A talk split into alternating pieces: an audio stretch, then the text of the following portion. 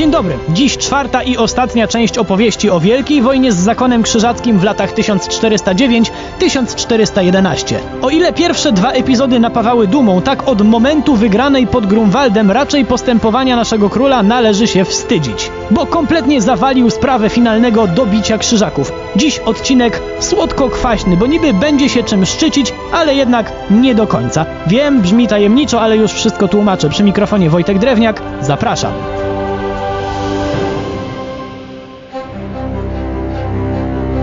Kiedy Jagiełło zwlekał z marszem na Malbork po wygranej pod Grunwaldem, wśród przetrzebionych krzyżaków rosła nowa gwiazda. Henryk von Plauen, skromny komtur ze świecia, najpierw zorganizował załogę mającą bronić twierdzy, a potem, gdy się to udało, został w uznaniu zasług wybrany na nowego wielkiego mistrza.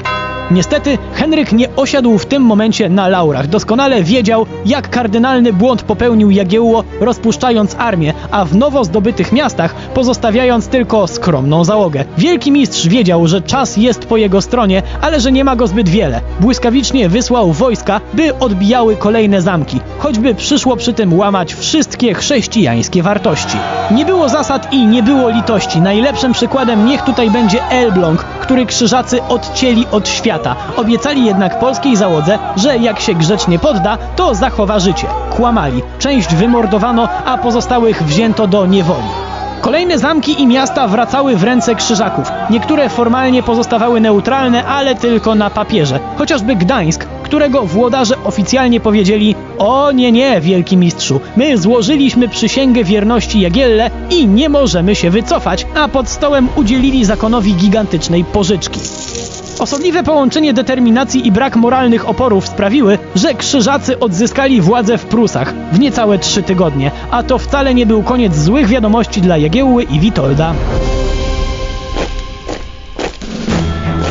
Bo w międzyczasie, zastawiając krzyżackie bogactwa, wielki mistrz opłacił ekipę rycerzy najemników, która właśnie zaczęła się zjeżdżać z Węgier, Czech i Niemiec. Łącznie jakieś 10 tysięcy ludzi, z czego 4 tysiące było pod dowództwem zarządcy Nowej Marchi. Gość był całkiem ogarnięty, bo nie dążył za wszelką cenę do wielkich konfrontacji, bo może i Polacy rozpuścili już swoją wielką armię spod Grunwaldu, ale nadal lepiej było nie natknąć się na większą ekipę naszych, bo ani to bezpieczne, ani dobre dla motywacji najemnej armii krzyżackiej. Kilka razy się udało, jego ekipa pokonywała skromne polskie oddziały. Pewnego dnia dowódca otrzymał cynk, że niedaleko, konkretnie w Koronowie, zebrała się, jak to określono, kupa zbrojna, czyli pewnie znowu jakieś łatwe do pokonania ochłapy polskiego wojska. Kiedy najemnicy dotarli na miejsce, to pobledli, bo okazało się, że to wcale nie mały oddział, a co gorsza, to w większości doborowa polska jazda.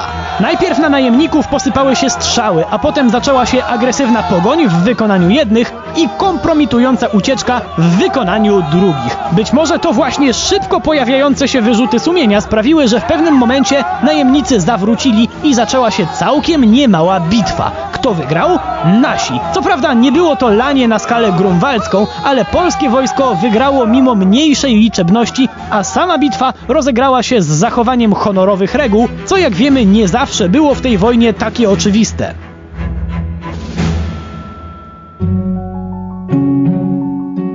Tymczasem polskie wojsko zaczęło się gromadzić do kontrataku. Stan armii się powiększał. Przyszły dwa kolejne zwycięstwa w polu i kto wie, jakby się to wszystko skończyło, gdyby nie zima, która w średniowieczu oznaczała mniej lub bardziej oczekiwane zawieszenie broni. Teoretycznie wstępne ustalenia nie były zbyt ciekawe. Pewne nadzieje wiązano ze spotkaniem Jagiełły i Wielkiego Mistrza, ale chłopaki się nie dogadali i pokój podpisano dopiero w kolejnym roku.